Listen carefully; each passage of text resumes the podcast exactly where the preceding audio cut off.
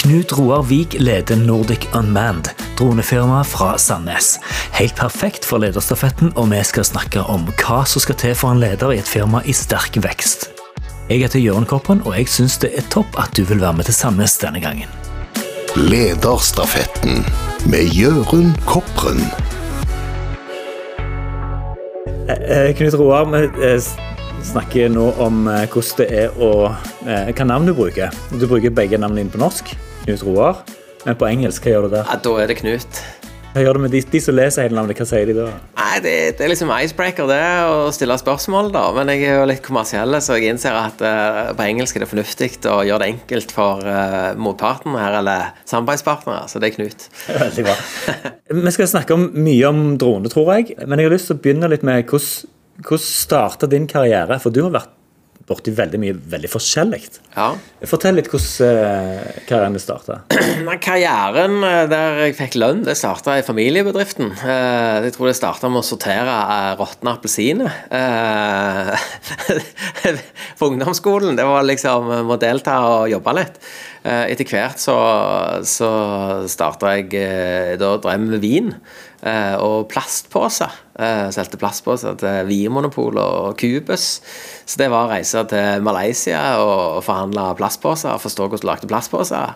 Eh, Hvordan lager du plastposer, egentlig? Nei, Det er faktisk ganske interessant. Du tar uh, sånn råstoff, så er sånn, akkurat som et granulat i, i plast. Så slenger du det i en maskin, og så varmer du det opp, og så blåser du det ut, eller ekstruderer det. Eh, og så ruller du det til å bli en film, og så eh, tar du og, og kutter det opp til å bli pose. Så det er faktisk ikke så enkelt som man kanskje skal tro. Nei, det er ikke det. Vi skulle levere jevn kvalitet. og Drivmonopolet leverte vel en 30 millioner plastposer. Så alle skulle være like, og du skulle kunne åpne de, og du skulle bruke minst mulig plass og plast og alt. Så det er ikke så, så enkelt, nei. Det er det ikke. Så nei, så det var det Etter hvert i familiebedriften så, så ble det vin, og eh, vi solgte den. og Eh, og jeg begynte å jobbe for et spansk, eh, spansk vinselskap. Eh, og solgte vin i Nord-Europa og Russland. Um, og starta et eh, norsk underavdeling av det, som et selskap her som drev med det. Og, um, så det, det var mye, mye, mye vin. Og så var det bort- borti dagligvarer òg, på en måte, i, i, i Danmark. Ja, stemmer det. Så det var, jeg solgte jo vin til dagligvare i Danmark. Eh, Da fant vi ut at nei, fillen eh, starte en grensehandelbutikk i Danmark. Det hadde jo vært noe. Eh, For vi solgte vin til grensehandelbutikkene på tysk side, og så hvor stor grensehandelen var der. i i påvente og et håp om at, at danskene skulle åpne opp for avgiftslette mot å selge mot nordmenn. da. Um, så, så det òg har vi gjort. Eh, så spennende, det. Men nå sitter vi i et eh, nokså klassisk hjørnekontor eh, i eh, Sandnes med havnespeilet her, i Nordic Unmanned sitt, sine lokaler. Fortell litt hvordan det starta. Eh, ja, altså Nordic Unman Vi eh, startet med fem kompiser som, eh, som var sammen i Sjøheimevernet. Eh, og Over mange år så har vi snakket om at vi måtte gjøre noe sammen og finne på noe. og sånt. Uh, og så var det i 2014 Uh, oljeprisen stupte, og, og flere av de jobba i olja og ble permitterte. og Eh, det var liksom eh, not og gråten på mange måter, men samtidig så er jeg skrudd sammen sånn at da ser jo jeg muligheter og tenkte nå er tidspunktet å starte noe. Nå er tidspunktet å se på hvordan kan vi hjelpe olja og olja eh, med å tenke nytt og redusere kost og redusere risiko. Og, eh, og så satte vi oss eh, vi satt en dato og sa ok, vi møtes da. Alle må komme med sykt gode ideer. Jeg stiller med vin, og så skriver vi opp ideene på tavla og, og blir enige om nå, for vi må, vi må gjøre noe. Um, og da, da starta det en tankeprosess da for alle. For de ble liksom tvungen til denne her kvelden kom om to, Det var faktisk tre måneder frem i tid, uh, sånn alle hadde god tid. For de reiser litt offshore og sier Se nå rundt dere når dere er offshore. Vi må jo finne på et eller annet. Um, men etter hvert så så vi jo at drone, det var jo det var jo et område der amerikanerne hadde investert sykt mye på forsvarssida. Eh, Det var veldig lite brukt på, sivilsida eller på industrisida. Mens eh, ungene i gata, de fløy det jo. Eh? Altså, det på det I 2014 da var det jo liksom De ungene og par av fedrene de var ute og fløy i gata allerede. Eh, og Så sammenlignet vi det med, med GPS, der amerikanerne i grunnen investerte i hele greiene. I dag så har vi jo klokke, mobiltelefon og alt, men det kommer fra forsvar, sammen med internett. Og så en stor teknologitrend som måtte få en betydning. Um, og så fant vi ut nei, dette, eh, dette må vi bare gønne på med. Så her hadde dere, liksom, dere hadde bestemt dere for vi skal gjøre noe, men Ja, vet ikke helt hva. det er helt Om tre måneder så bestemmer vi det. Ja, det er helt riktig. Okay. Fortell litt mer hvordan dere møtet foregikk. da. Hvordan, altså, hvordan kom dere fram til for- akkurat det var var jo vi hadde jo vært på mange heimevernsøvelser sammen og kjente hverandre veldig godt. Både styrker og svakheter, og, og hvordan, eh, hvordan, vi, eh, ja, hvordan vi kunne utnytte hverandre sine, sine deler rundt det. Så, så når vi satte datoen, så hadde vi ikke peiling på hva vi skulle starte med. Men, men det er bare det å sette en dato og være enige om vi skal gjøre noe sammen, gjorde jo at en starta en prosess der at det, det var ganske klart på det møtet at det kom til å gå mot Rune men det var et par andre ideer òg som jeg har glemt av hva var. Eh, men det, det var jo? Det var ikke vin. Nei, fordi at jeg, da, jeg hadde drevet med vin, og vin var jo kult, det. eh, og det men, men det var ikke noe vekst i det lenger. Så vi måtte finne noe som vi kunne skape noe stort, da. Eh, vi vi ville ikke starte noen sånn smågreier. Vi ville tenke stort, eh, og vi ville, ville løse noen problem som ikke var løst ennå. Eh, så så det, var, det var Vi var superfornøyde og svært god stemning etter, etter første kvelden, ja. Hvordan klarte dere å skaffe de første kundene deres til, til dette? Ja, det var jo det, altså, Fordelen med å komme fra eh, altså Fordelen med å gå inn i en sånn høyteknologisk bransje, men ikke ha en høyteknologisk bakgrunn, det er at du har en kommersiell tilnærming til det. Eh, For uten kunder så er det jo ingenting. Eh, Så, så det vi fant ut fort, det var at vi hadde jo ikke nok penger eller nok tid til å bygge noe teknologi sjøl, og det hadde vi heller ikke interesse for på det tidspunktet. Men vi måtte jo ha tilgang på noe å selge. Eh, Så vi reiste på en messe i London, eh, og der hadde vi eh, funnet ut at det var Lockheed Martin, som er jo en av De lagde jo tilfeldigvis F-35-jagerfly, og alle visste jo hvem de var, ikke sant? Med andre ord, de hadde et jækla bra brand. Så vi, vi fant ut La oss høre med de, da. De trenger litt hjelp til å selge de der dronene sine. Så viser jeg det at de, de trengte masse hjelp. For de visste jo hvordan de skulle selge både jagerfly og, og transportfly og det ene og det andre. De hadde jo fullt kontroll på det. Men å selge drone hadde de jo ikke peiling på. Uh, og de, så de trengte jo hjelp, og vi sa ja, kanskje vi kan hjelpe dere i skulle å si Norge, men så sa vi Norden. Og så sa de jo, jo, selvfølgelig kan dere det. Det er gode greier, det. Eh, og da, så da, etter mye var mye formalitet og kontrakt og hele greiene, så ble vi det som kalles for en reselger, eller en, en, en importør, da, for Lockheed Martin i, i Norden. Det ga oss muligheten til å bruke Lockheed Martin-brandet og navnet. Og da var, vi, da var vi ikke bare en startup lenger, da var vi en startup som jobba med Lockheed Martin. Eh, og da var det sykt mye enklere å få kunder. Men i, Eh, i luftfart så kommer du ikke stort høyere i, sant, i, i merkevare enn en det. Nei, så lager nei, jagerfly det- det- og militært utstyr. Det, det er helt riktig. Eh, Så, så det var jo veldig bevisst fra vår side. For det, så jeg er tilbake igjen til vin, da. Eh, Det har aldri vært viktig hva er verdens beste vin. Men det har jo vært viktig hvordan skal du tjene penger på dette. Eh, Så, så om Lockheed Martin hadde den beste drona eller ikke, var ikke en, vi gjorde aldri en teknisk vurdering av det. Men vi så på hva er i forhold til vår vekst og vår strategi. Hvordan kan vi, vi tiltrekke oss partnere som trenger oss, og vi trenger de. Eh, og, og siden så har vi hatt et veldig godt forhold til, til Lockheed Martin og, og representerer de i hele Europa i, eh, i dag innenfor droneverden. Men det betyr at dere ikke bare utfører tjenester med de dronene, men dere selger de òg videre. Ja, vi selger de òg videre, men, men med, med en, såkalt systemintegrator. Eh, så vi, vi tilfører gjerne teknologi, eller tilfører modifiserer på dronene og, og leverer dette som en både med opplæring, med levetidsstøtte, med vedlikehold, eh, sånn at kundene kan ha det i et helt levetidsperspektiv. Eh, så, så, så tenker jeg liksom forenkla som en bilforhandler, eh, som da leverer hele tjenesteaspektet, så gjør vi det på, på drone, men da typisk til myndighetskunder, som, som er veldig krevende å, å jobbe med.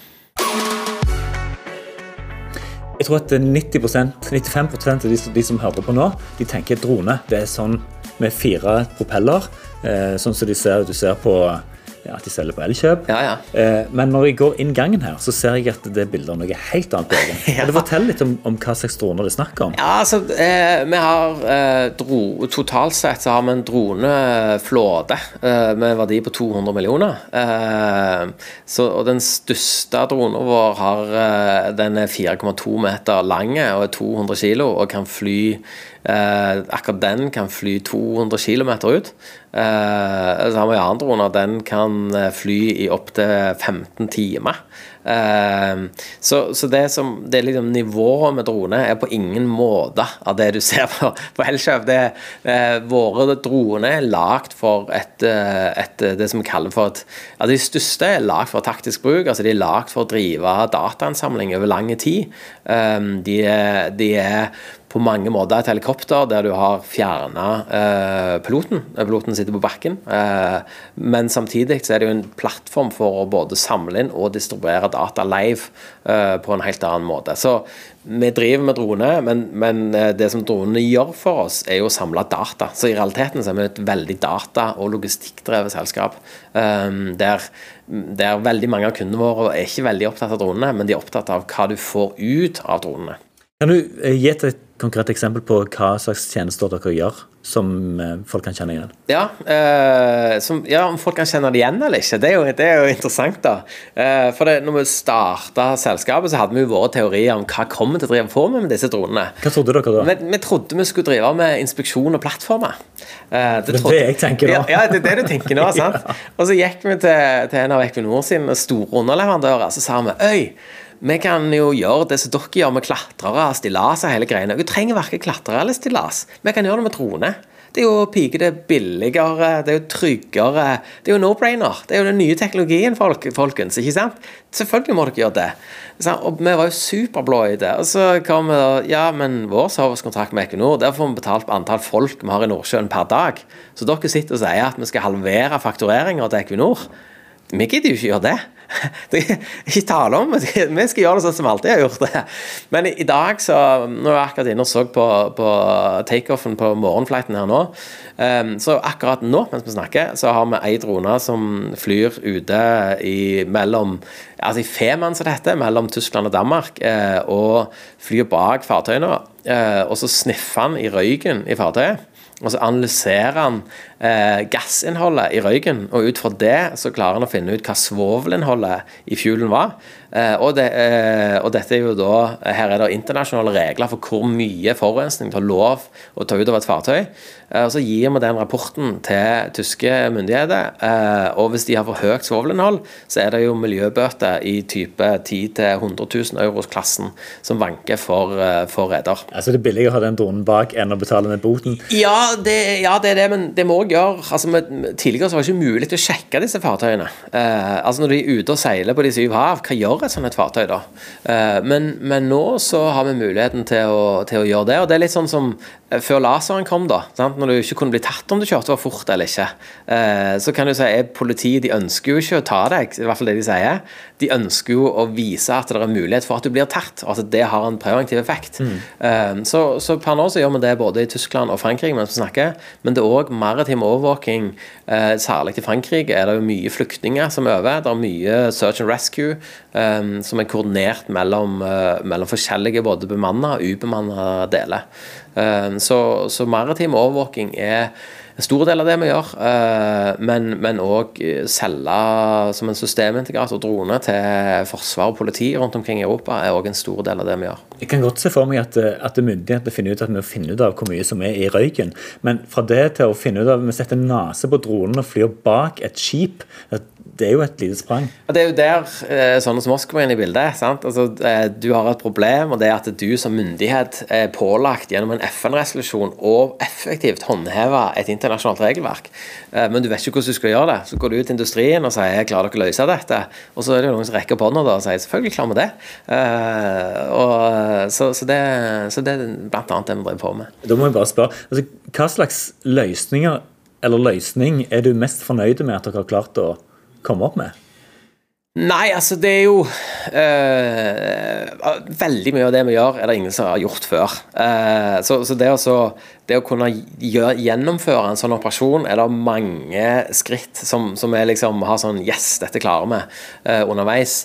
Men det å effektivt se hvordan myndighetene klarer å gjøre dette, det å effektivt se at du både klarer å håndheve et miljøregelverk eh, som, som eh, potensielt er med å senke forurensning langs kysten, samtidig som du kan hjelpe eh, emigranter som er på vei over og gjerne er i ferd med å drukne, og blir aktivt involvert i, i blant myndighetene.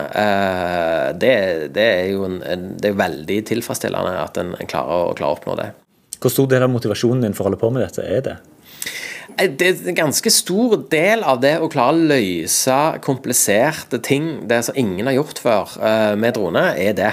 Altså det, Når vi fløy for, for Equinor første gang fra Mongstad til Troll, eh, landa der ute 80 km ut i havet, leverte en 3D-printa del, og så fløy vi tilbake igjen, så det er klart at Eh, det, det er noen øyeblikk som Ja, dette er jo det vi driver på med. Det er ikke Men, så lenge siden, det? Nei, det, det var i august 2020.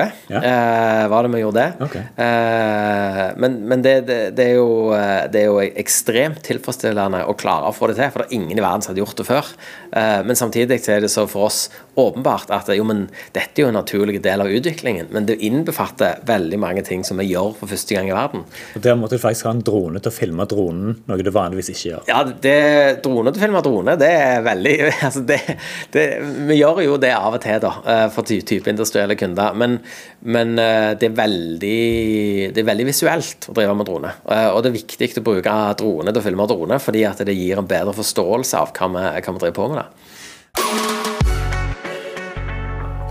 Men nå er jo spørsmålet hvordan hjelper denne bakgrunnen din som, som vinselger og plastpåsefinner Eh, deg til å, å utvikle denne bedriften når dere starta? Ja, det, det, altså, det er også altså bedrifts, eh, til en bedrift går i forskjellige faser. Eh, så Den første fasen er jo som startup. Eh, og, og, det er klart, det å ha en bakgrunn der eh, du skal selge en commodity, da, altså både bæreposer og vin er jo en commodity, det betyr at du må være ganske kreativ og, og litt uh, innovative og, uh, for å klare å selge det. For ellers så Da kan du bare kjøpe noen andre hvis ikke. Men, men det betyr òg at du må kunne endre deg veldig fort. Det å akseptere at den planen du la i går, er nødt til å endre seg i dag, er en veldig viktig del av det. Rask endring og veldig fokus på å løse kundene sitt problem hele veien. Fordi at du skal være relevant for kunden. Eh, var, det var jo noe som vi, som starta med og så veldig tidlig at det må vi bare følge videre. Men òg den verdien av brandet. Altså verdien av å bygge opp Nordic Command som et brand som, som representerer den droneleverandøren i Først var det Norge, og så var det Norden, og nå er det, nå er det liksom Europa som det, det, var det store målet vårt. Det, har vi liksom, vi, det være forbi der i fjor, så nå må vi se litt større etter hvert. da.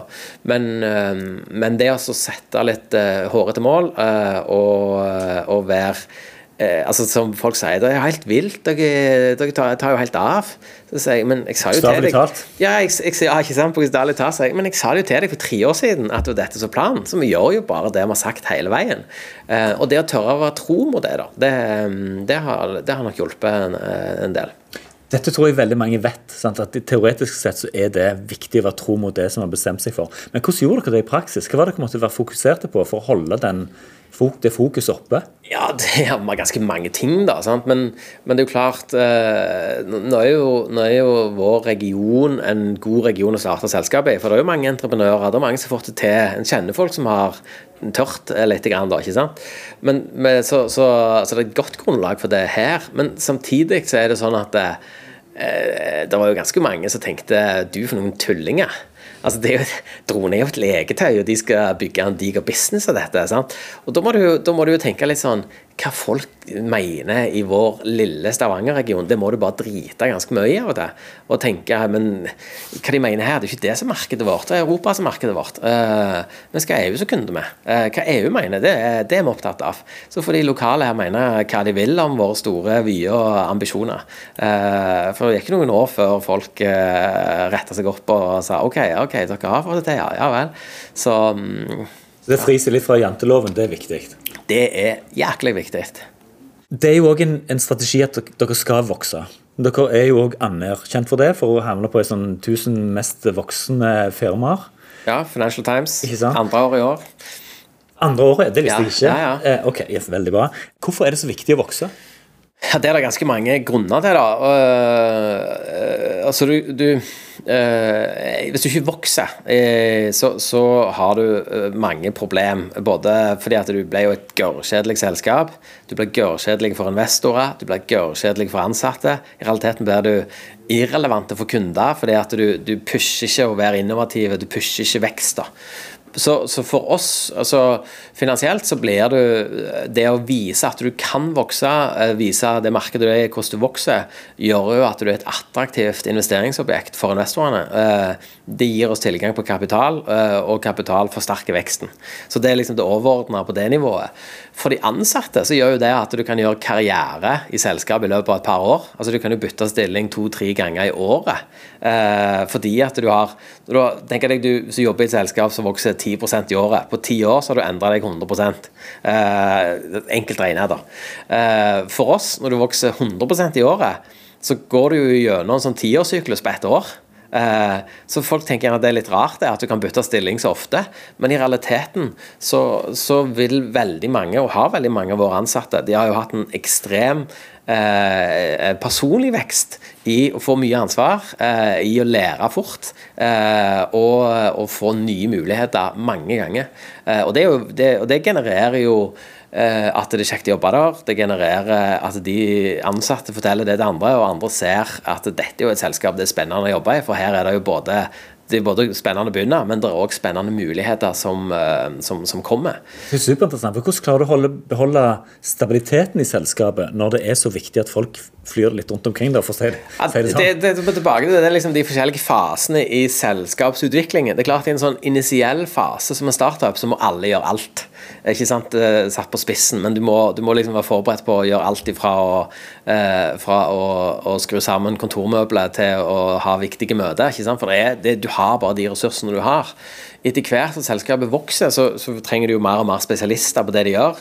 Men samtidig så må du du må liksom like det å kunne eh, gjøre mer enn bare veldig sånn avgrensa ansvarsområde.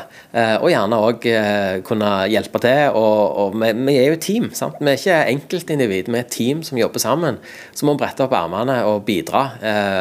Og nå, er jo, nå, er vi jo, litt mer ansatt nå, da, men samtidig så er jo det en en, en, del av kulturen vår. At vi ønsker å bevare den, den entreprenørkulturen det er å jobbe sammen som et team. Akseptere at ting alltid ikke blir som det ble, og at planene endrer seg fort.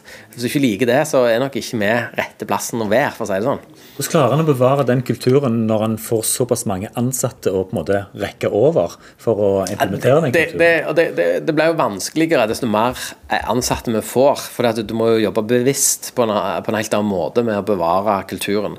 Men, men det, det å delegere vekk alltid, det å gi ansvar ned i organisasjonen, det å gi stort ansvar til, til lavt ned i organisasjonen, er jo, det, det, er veldig viktig for oss. Eh, det å det å, forstå at det, verste vi kan gjøre, det å ikke ta en beslutning eh, det, det, Å ta feil beslutning er jo ikke et problem, eh, for du kan jo endre den etterpå. Du lærer fort. Eh, det er òg noe som er veldig viktig. Eh, og for meg så er det veldig viktig å forstå at det er mange rette beslutninger det går an å ta. Uh, det er ikke bare én rette ting. Så du har faktisk kan velge mellom en hel haug med rette beslutninger, og alle er like bra, for det er ditt ansvar å ta den beslutningen. Uh, så det å, å, å, prøve å holde den entreprenørdelen som, som Eller som, kulturen det er, da, det, det er viktig, men det er òg veldig kjekt for, for Jeg syns det er veldig kjekt å gi ansvar videre, og gi ansvar så lavt ned som mulig. For jeg ser jo at folk liker det, folk vokser på det, og, og det gjør at vi, organisasjonen vokser fort da. Ja, nå kan vi for forskjell på det. for Det handler det om å lage små grupper som får den følelsen at nå bare vi gønner på for oss sjøl, samtidig som vi er med i et større, eh, en større organisasjon. Og så tar vi disse beslutningene for oss sjøl i vårt lille miljø, og så er vi en del av en stor ting. Ja, det handler både om det. Eh, det handler om at eh, det er, liksom, det er ikke alderen din som nødvendigvis bestemmer, eh, men det er hva kompetanse du har, og hva, hva vilje du har til å, å, å ta ansvar. Det ønsker vi òg å, å, dyrke og holde fram. Eh, men, men, det å ha små team som er så autonome som mulig, eh, som, som, får lov å ta sine beslutninger forbi de rammene en har, det, det, det er en viktig del av det. Hva er blitt din rolle i dette nå, sånn kulturmessig, når du sitter på Nei, jeg, toppen? ja, jeg prøver å gjøre minst mulig, som jeg sier. Uh, altså det betyr da å delegere vekk mest mulig. og Fokusere på videre vekst. Se fortsatt uh, hvordan våre muligheter er nå, som den type selskap vi er nå. Uh, og hva samarbeidspartnere og, og oppkjøpsmuligheter, teknologimuligheter, store kommersielle muligheter vi har. Eh, og fortsette å tørre å tenke digre tanker. Eh, og ikke bli fornøyde. Men I hvor stor grad er du nå blitt mer bevisste på at det jeg gjør nå, det er synlig for veldig mange ansatte? Jeg må, jeg må prøve å oppføre meg. ikke sant? Eh, Eller går det av seg selv fordi at en klarer å lage den kulturen som du er vant med fra før av? Ja, altså, det er vel gjerne en av de tingene som er liksom, tilbake til liksom, fasene av selskapet. Da. Så nå er jeg jo eh, sjef i et selskap med 150 ansatte, så jeg må jo dessverre innse at eh, folk følger jo mer med på hva jeg gjør, enn det, det de gjorde tidligere. Så, så jeg prøver å, å være Uh, ja, være litt mer bevisst på det. Uh, men samtidig så, så ønsker jeg, som alle andre som kommer på jobb, å bare være deg sjøl. så så det, det er liksom eh, det, det tror jeg funker best. Eh, men i, i noen settinger så må jo jeg ta på skjorta og, og liksom være sjef, da. Husker du noe som har skjedd, som du har følt at du måtte trene i en rolle som ikke var helt deg? Ja, nei, det er mer sånn overfor kunder og, og den delen der. Gjerne litt i forhold til, til, til på, på, Ja, i forhold til kapitalmarkedet og sånt, så, så spiller jeg jo en mye mer form, formell rolle og har en litt annen en rolle enn jeg har internt. da. Eh, men, eh, men eh, ja, jeg må jo holde tale på julebordet nå òg. men, men det innholdet i talen er fortsatt veldig lite formelt, da. Det er det. Jeg skjønner ikke hva du mener, for jeg pleide å gå i shorts og sandaler fra, fra mai til september. Ja, ikke sant? Nå gjør jeg ikke det lenger, og det er ikke Ja, Det er fordi vi fortsatt i april, for du har jo ikke på det nå. Så. altså Det forstår jeg at jeg er innenfor, Ja. men jeg, jeg kan ikke gjøre det lenger. For dette, nå, må, nå omgås jeg folk som kanskje har en litt, sånn, litt strengere øye på hva er liksom, hvordan framstår Ja, det, det liksom det, det, og det irriterer jo gjerne litt, da. Sant? At du, du, hvordan du kler deg, sant? Eh, spiller en rolle eh, av og til. Eh, men så er det gjerne grenser, da. Så sandalgrenser ja.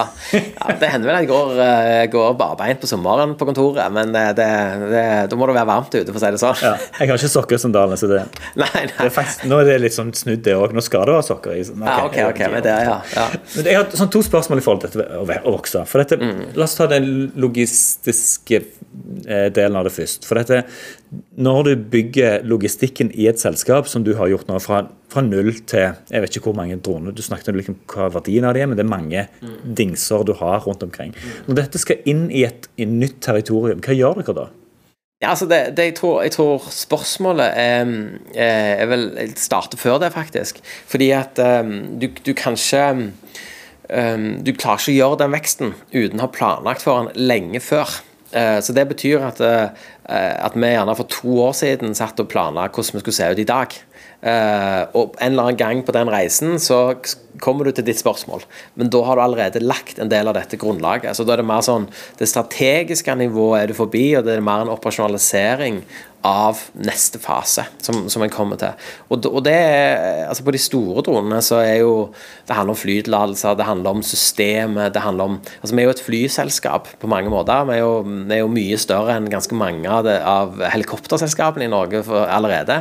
Um, så så det, det, akkurat på den delen så er det veldig mye struktur og formaliteter og systemer som, som er planlagt for lenge siden. Fordi vi har planlagt systemene for å ha den veksten. Eh, For vi må være helt 100% sikre på at det skal jo vi ha. Og vi klarer ikke veksten uten å ha planlagt på forhånd.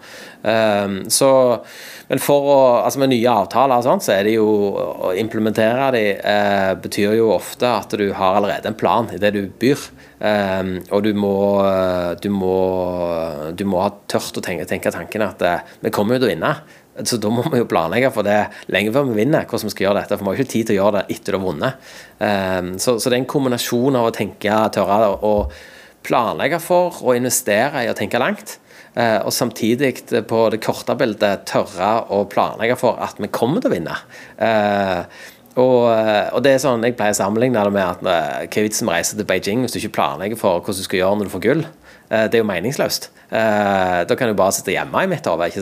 Så, så det, det er litt den tanken vi har eh, på, på kort og lang sikt. da. Og da er det litt av svaret på andre delen av det spørsmålet. For dette, det å få det ut, få logistikken til å virke, Ja. det tror jeg er Altså, Det er mye arbeid, men det er sikkert ikke, det er nok ikke så vanskelig som om å ha kunder i disse territoriene. For det må jo òg ha drift på disse tingene som du det, utvider med. Det, det, det, liksom tilbake til selskapslivet. Sant? Altså det å, å gå fra en startup til en scaleup er jo dritvanskelig. Eh, for det er jo enkelt å, liksom, å vokse en liten organisasjon, men når du skal fortsette å vokse som en stor organisasjon, så er det jo, er det jo eh, kjempevanskelig. Hva har du kjente på som vanskelig da? Nei, det Altså, første kontrakten vi fikk, den var på 14 millioner euro. Da var vi ti ansatte. Eh, vi hadde ikke peiling på hvordan vi skulle løse det. Men, Det godt ikke kunden visste det. Ikke sant? Ja, for det for oss handla det om å vinne. Mm. Og så var det jo for oss å løse det etterpå. Eh, men det er ikke sånn det er i dag. I dag så, så er det jo klart at eh, vår største kunde er EU. Eh, og, de er best i Europa på, og, som innkjøpere, og mest krevende i Europa som, eh, som, eh, som kunde. Um, for oss er jo det helt konge. Det skal, skal du bli best i noe, så må du jo jobbe sammen med de beste. Uh, men de, det, det, liksom, planen må være ekstremt gjennomtenkte og robuste. Uh, og du må kunne, uh, kunne håndtere den hele veien. da Så, så det, det, vi er ikke der lenger at du, du kommer unna med det. Men det handler også litt om, om hvis du starter i eh, en etablert bransje, da, tilbake til vin, da, som er sånn superetablert, og veldig mange bransjer i vårt område er jo veldig etablerte, så skal du jo penetrere denne bransjen og utkonkurrere de andre. For oss så handler det om å, å, å være den største innenfor en bransje som ikke fantes. Så alt vi gjør, er første gang. Um, så det er en sånn kombinasjon av eh, noen må lage en benchmark på hva som er best. Det har vi lyst til å gjøre. Eh, og så da er kunden sine krav vokser jo òg med det vi kan klare å levere. da. Eh, så det, du kom unna, vi kom unna med mye mer eh, umodenhet for mange år siden enn det, du, det våre konkurrenter må gjøre i dag. da, fordi at vi har jo lagt lista ganske høyt. Ja, Ikke sant? Og nå kan dere det som dere ikke kunne få Ja, ja. tidligere, Ja, ja. og nå Ja. går det litt av seg selv. Stemmer det. Det høres ut som det er, det mye som er litt statlig eller sånn semistatlig som dere er inne og leverer til. Hva gjør det med salget? Hvordan er dere håndterer salget når, når det handler om eh, store og tunge kontrakter? Ja, det, det vi, snakker om en salgsprosess her, da. ikke sant? Eh, eh, der, det har mange faser. Men, men i realiteten så er jo den formelle fasen et anbud. Men det starter jo lenge før der. Det handler jo om å være i stand til å levere. Det handler om å investere i å kunne være en god leverandør for å ha en høy det som er kalt for PVIN, eller, eller eh, sannsynligheten for å vinne, eh, lenge før dette anbudet kom ut. Eh, og Da er det analyse av markedet, hva vi tror. Eh, og samtidig eh, passe på at eh, potensielle kunder vet at det finnes leverandører som kan løse det problemet som de går og tenker på om, om de skal prøve å få løst. Sånn at vi har en, har en god tidlig dialog med, med, med kunden. Um, og så er det, er det å, etter hvert å, å være synlig i markedet og, og levere godt, få gode tilbakemeldinger fra kunder, ha et godt rykte og, uh, og ha fornøyde ansatte. Uh, hele denne prosessen er en del av, av dette. Uh, men det vi har All hovedsak så har vi jeg tror vi er på 95% offentlige kunder. Eh, og og de, er, de er lange salgsprosesser, men samtidig så er det jo, er det jo eh, veldig spennende kunder, for de har store budsjett, og vi velger kunder ut fra hva som er skalerbart og ikke. Vi har ikke tid til å selge til, liksom, ting, kunder som ikke har tro på det, for å si det sånn. Det, det har vi ikke. I hvor stor grad er, er det lettere eller vanskeligere å selge til en offentlig instans fordi at de må ha anbud, de må ha prosesser som er dokumenterbare og synlige for andre, kontra de som er private, eh, som kanskje kan fire litt på andre ting fordi at de har andre hva skal jeg si, eh, mål med det som de vil kjøpe? Ja, altså der, er- det, det at vi altså, sitter oppe i, Jeg sitter i havna i Sandnes og skal selge til kunder rundt i hele Europa. Sant? Det er ganske vanskelig hvis du skal selge til private. For du kjenner ikke de kundene. Du er et lite norsk selskap langt vekke fra, fra det landet. Men når du da går på offentlige europeiske kunder, så er det jo samme regelverket. Altså det, vi, har, eh, vi, har, full tilgang til det indre markedet. Eh, og da er det mye enklere, fordi at du, du, vet at det er en likebehandling i vurderingen. Og da handler det om å være best. da. Altså Det handler om å ha best kvalitet og best pris. Eh, og det, da er det fair konkurranse. Så, så, så, på en måte så er det mye enklere å selge til offentlige enn private. I hvert fall hvis du tenker, tenker å vokse raskt, sånn som vi tenker. Uh, så, så, det er ikke Men så har vi noen offentlige kunder som er gjerne mer de kjøper av oss fordi at vi, har, vi er det eneste som har kompetansen. Og ene som har produkter som de er på jakt etter. Uh, så, det er òg en, en posisjon som vi har investert i å være i. da.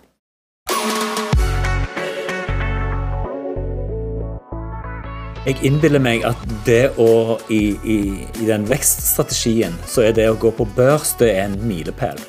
Ja, I hvor stor grad har det vært det for dere? Ja, Det har vært en veldig milepæl. Uh, og det er, jo, det er jo klart, vi, vi, gikk jo inn i altså pandemien da, eh, da sto vi på helipaden i Hellas eh, og skulle akkurat begynne operasjon og fly uh, i, i, Hellas, i havna der. Eh, så vi var vel i lufta i halvannen time før eh, greske myndigheter sa landet stenger ned og bare komme seg hjem til, til Norge. Eh, og da, da, hadde vi jo EU som kunde. og Uh, og, og med, etter et par uker så var vi et helsike. Dette er jo tidenes mulighet. Uh, vi har jo kunden, vi har kontrakten. Uh, resten av Europa er nedstengte. Alle konkurrentene våre sitter hjemme. Nå, så den depresjonsfasen den var ganske kort? Den var kort. Nå skal vi gønne på. Ja. og det innbefatter jo da kapital. for da liksom, nå er det vi skal ha kapitalen. For det, det er nå er tidspunktet å, å liksom, ta neste satsingsskritt. Eh, så, så, da så vi jo på så Vi hadde jo behov for, for kapitalen, da. Eh, og da er det forskjellige kilder til det. Det er liksom enten eh, som et børsnotert selskap eller å få det fra, fra, private equity eller family office eller andre ting. Men i den prosessen så, så er det jo klart Det var jo en spesiell periode da, fra sommeren til jul 2020 i forhold til, til børs i, i Norge. Eh, men, men da, da, ble det ganske klart for oss at eh, børsnotering er det rette. Både for det gir oss tilgang på, på kapital på kort og lang sikt, men òg å lede selskapet som et børsnotert selskap var mer attraktivt enn å ha få, men store aksjonærer som du ikke hadde helt kontroll på hvor de var hen i den verden. Um, så, men, men milepælen var jo Det var en liten tåre når, når, vi hadde første handledag på børs. Det, det, er det jo ingen tvil om, for det er jo en, det er en enorm milepæl. Og, og vi gikk jo for å være et, eh, et, eh, kult eh, scaleup-selskap i Norge forbi dronebransjen til å bli et børsnotert selskap. Og det endrer jo òg hvordan kundene ser på oss. Altså soliditeten, respekten både på kunder, samarbeidspartnere og, og andre muligheter. Så, så, det er jo ingen tvil om at det, det er en ganske stor milepæl i, i selskaps hvis du vil gå i den retningen, da. Hvor krevende var det å komme seg på børs? Jækla krevende. det var, altså sånn Ledelsesmessig så er jo det en sånn unntakstilstand. Så du må jo bare glemme alt annet, og du må ha full fokus på, på å gjøre det. Uh, men, men uh, jeg tror òg noe av det som er krevende, det er jo at de færreste har jo tatt et selskap på børs før. Så det var vanskelig å finne erfaring. Sant? Vi hadde jo ingen erfaring med det før. Ikke sånn Burst for Dummies? Nei, nei, nei, nei, nei, nei du kunne ikke det. Og så uh, var det en, en hastighet som, som, det gikk veldig, veldig fort. Uh, og masse formaliakrav som skulle være på plass, og, andre ting. Og vi hadde jo en liten organisasjon da, uh, i forhold til hva vi har nå. Så, så, det var unntakstilstand uh, med et veldig klart mål om, om, en dato og når vi skulle, skulle være på, på børs.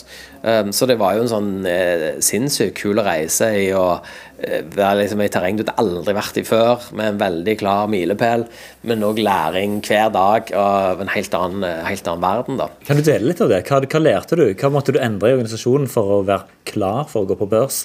Nei, altså det, det, er jo klart det er masse uh, tallmessige ting. da, altså det, liksom, det, å ha kontroll på, på datarommet ditt, eh, på kontroll på alle kontrakter altså Det liksom å ha en helt annen sånn, uh, struktur, det som kalles for, for et datarom, det, det, burde vi jo gjerne hatt tidligere. men Det var ikke hadde vi ikke fokusert på, som, som, vi hadde ikke hatt behov for det. Men, men, men, det som gjerne var altså det, å bli eksponert fra børs og finansverden er jo en sånn spill spillteoriverden. Uh, der det, liksom, det matematiske i det var mye mye mindre enn det vi har trodd. Eh, så Det var liksom vanskelig, for, for da vant med at det var liksom to strek under svaret, som var det. Men i dag så er svaret det, men i morgen så endrer psykologien seg, og da er svaret det.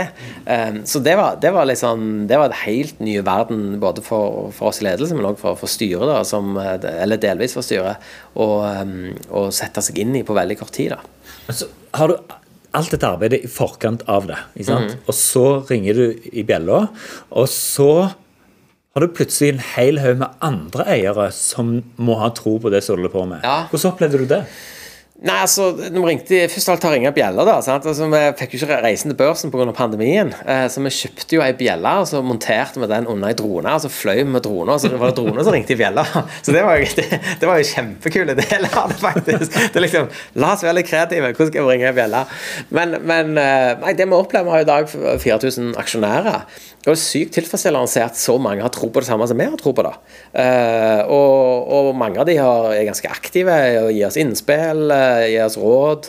Uh, faktisk så var det, det ene oppkjøpet vi gjorde, var jo en aksjonær som kom med, kom, med, kontakten til, til, det selskapet.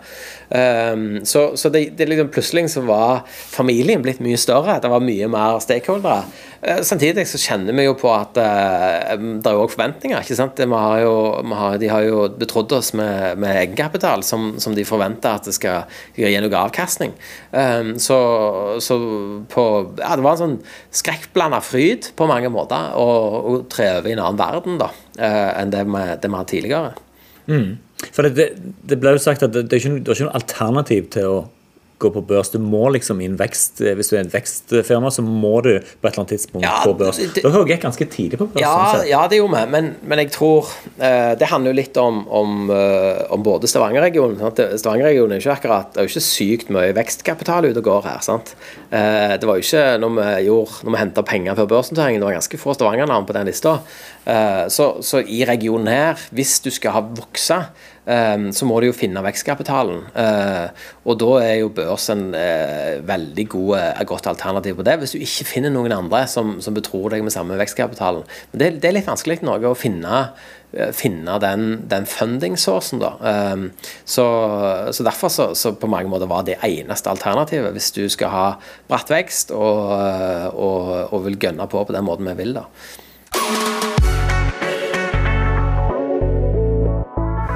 Hva er planene sånn nå? De neste, hva er neste skritt for øyeblikket? Neste skritt for øyeblikket? Ja, det, det Jeg er opptatt av 2023 allerede. Det har vært en stund, da. Eh, men, men for 2022 så, så skal jo vi I fjor så omsatte vi for rett over 100 millioner. Eh, og for 2023 så skal vi rundt tredoble det. Det betyr en sinnssykt bratt vekst. Det betyr at hele driftsorganisasjonen er opptatt av dette hver eneste dag og har planlagt ganske lenge for det nå. Og nå er det i en sånn operasjonell fase. Så, så, det, så, så det, for de så er det viktig å levere på det. Eh, det er liksom det, det er punkt én. Men neste fase Vi har jo et vekstmål i 2025 der vi skal omsette for 4 milliarder. Eh, så, jeg er jo opptatt av eh, hva betyr det i dag? Hva, hva valg må jeg gjøre i dag som kommer til å tas til de 4 milliardene i 2025. Det er jeg opptatt av hver dag.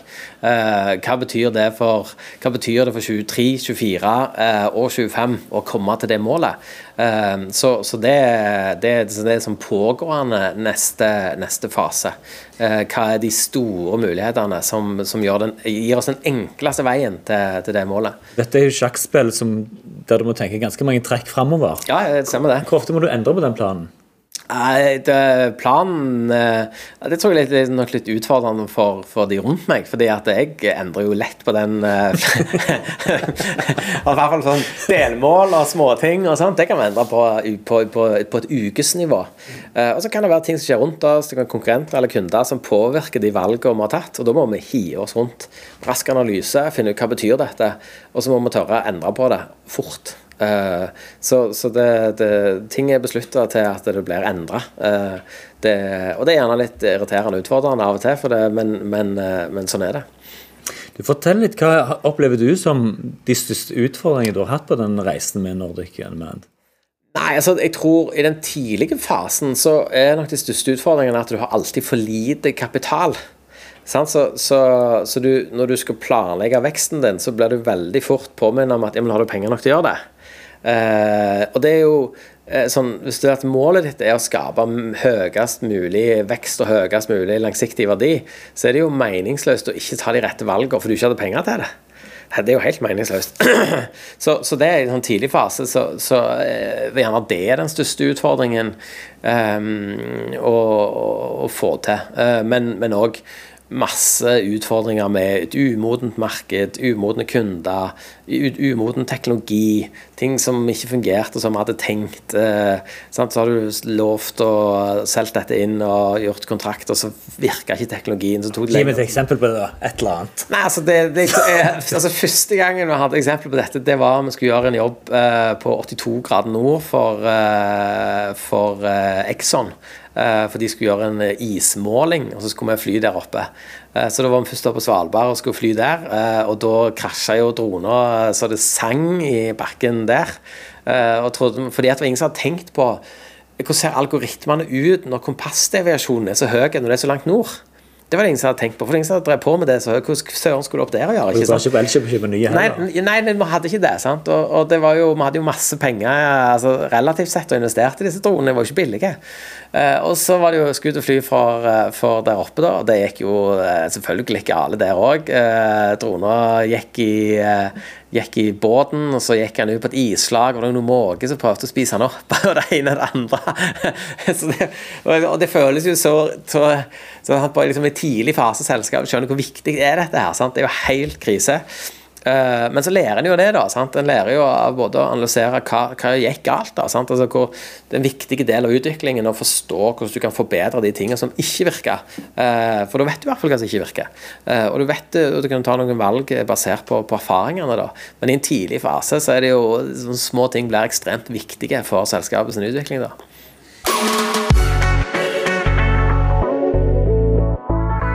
Jeg ber alle som jeg snakker med, om to råd til hva en fremtidig leder eller nåværende leder kan ha nytte av å vite. Hva vil du si da? Nei, altså, jeg, jeg, eh, sånn overordna så kan du si at den reisen vi er på, er liksom ikke for alle. Eh, men hvis du har lyst å gå inn på en sånn reise eh, og være i en, en oppstart eller scaleup eller, eller høyvekstselskap, så, så er det liksom punkt N er å delegere. Uh, for, fordi at du, du, er helt nødt til å ha ledig tid til å håndtere uh, veksten din og det som ligger foran deg. For det er så masse ting som kommer dettende inn uansett. Så deleger vekk mest mulig. La organisasjonen få lov å jobbe, de rundt deg får lov å håndtere mest mulig. Det, det, er liksom det er punkt én. Uh, punkt to er jo å planlegge for vekst tidligst mulig. Tørre å sette seg ned og forstå hvis vi skal gjennomføre dette målet Det er har en strategi og sier vi skal bli så flinke. Men det å brekke det ned og si ok, hvis vi skal bli så flinke, da, hva betyr dette for oss? Hva betyr det for organisasjonen? Hva betyr det for, uh, for de rundt oss? Hva betyr det for investeringene og hele greiene? Og når du har funnet ut hva det betyr, så må du bare bestemme deg for skal vi gjøre det eller ikke. Og hvis du fortsatt bestemmer deg for å gjøre det, så må du bare gjøre det. Du må bare tørre å gjøre det. Uh, og, og da får du det til. Hvis du ikke tør, så får du ikke til. Nå har vi snakket lenge. Men fortell meg til slutt, hva er det som gjør eh, at du kommer inn døra her om morgenen, setter deg på kontoret og syns at dette var en bra ting? Ja, Det er jo et, et, kjempegodt spørsmål. Jeg tror det er forskjellige ting som gjør det. Og det kan variere litt med hvor vi er på kort, de korte bildene på selskapet. Men overordna så er det, er det liksom de de mulighetene vi har som selskap, som, som, aldri slutter å forundre meg. Det dukker opp digre muligheter eh, som vi, er kvalifiserte for, eh, som eh, folk vil snakke med oss, eh, og, og, vi spiller en, spiller en, rolle. Samtidig å se på organisasjonen, hvordan de jobber, hvordan de får det til. Eh, hvordan vi hele veien setter høyere og høyere mål, og alle jobber sammen for å, for å klare det, er jo, er jo, sykt kult. Så da eh, så, så det er liksom Det kommer an på hva vi driver på med for tida, for å si det sånn. Eh, I dag så er det vi i gang og flyr her i Frankrike, vi er i gang i Tyskland. Ting virker. Vi skal snart i gang med en annen operasjon. Vi skal snart i gang og, og fly for, for, Equinor her ute. Eh, og, og, ting liksom Det bare, det bare, det bare fungerer. Eh, og vi, vi, jobber maks Det, og da, da kan jeg tenke at nå må vi bare få på Nå skal vi bare gønne på enda mer. Eh, og det er kjempekjekt, altså. Dette hører ikke folk som ser på, men eh, de, i nesten en time nå står du og smilt mens du har snakket. ja, ja, men det er jo dritkult. Eh, vi har det kjempekjekt, og, og det er en utrolig spennende, spennende reise. Eh, og, og det er klart sånn Ledelsesmessig så er det jo en, en unik mulighet å få lov å, å være med både å påvirke det, og få lov å være med og ta valg, og få lov å være med og bygge sånne selskap. Når du tenker tilbake på det møtet dere hadde tre måneder etter dere bestemte dere at dere komme opp med ideer, hvor fornøyd er du med det? det var jo, det var jo kjempe det, det, er jeg kjempefornøyd med. Eh, og jeg, jeg liksom tenker vi tenkte gjerne at det var helt naturlig for oss å ta det møtet, men, men jeg tror, eh, jeg tror liksom det er noe å lære av det òg. Det, det, det handler jo ikke om drone, og det handler ikke om drone i dag heller. Det handler om data, det handler om hvordan vi løser kunden sine problem. Eh, og så er det tilfeldigvis drone det ble. Eh, og den tilnærmingen på at vi skulle starte et selskap for å løse et problem, eh, den, den, var, den, tror jeg det er andre også kan, kan gjøre. Finne, gå sammen, og er dere leie der dere sitter og jobber i dag? Finn noen dere stoler på, noen som dere kan jobbe sammen med. La oss starte noe nytt. Tenk, tenk nytt, og, og tør å gjøre det. Neste gang blir det ikke mindre spennende, for da drar vi til Beyonder og lader batteriene sammen med Svein Kvernstuen. Heng med! Lederstafetten med Jørund Kopren.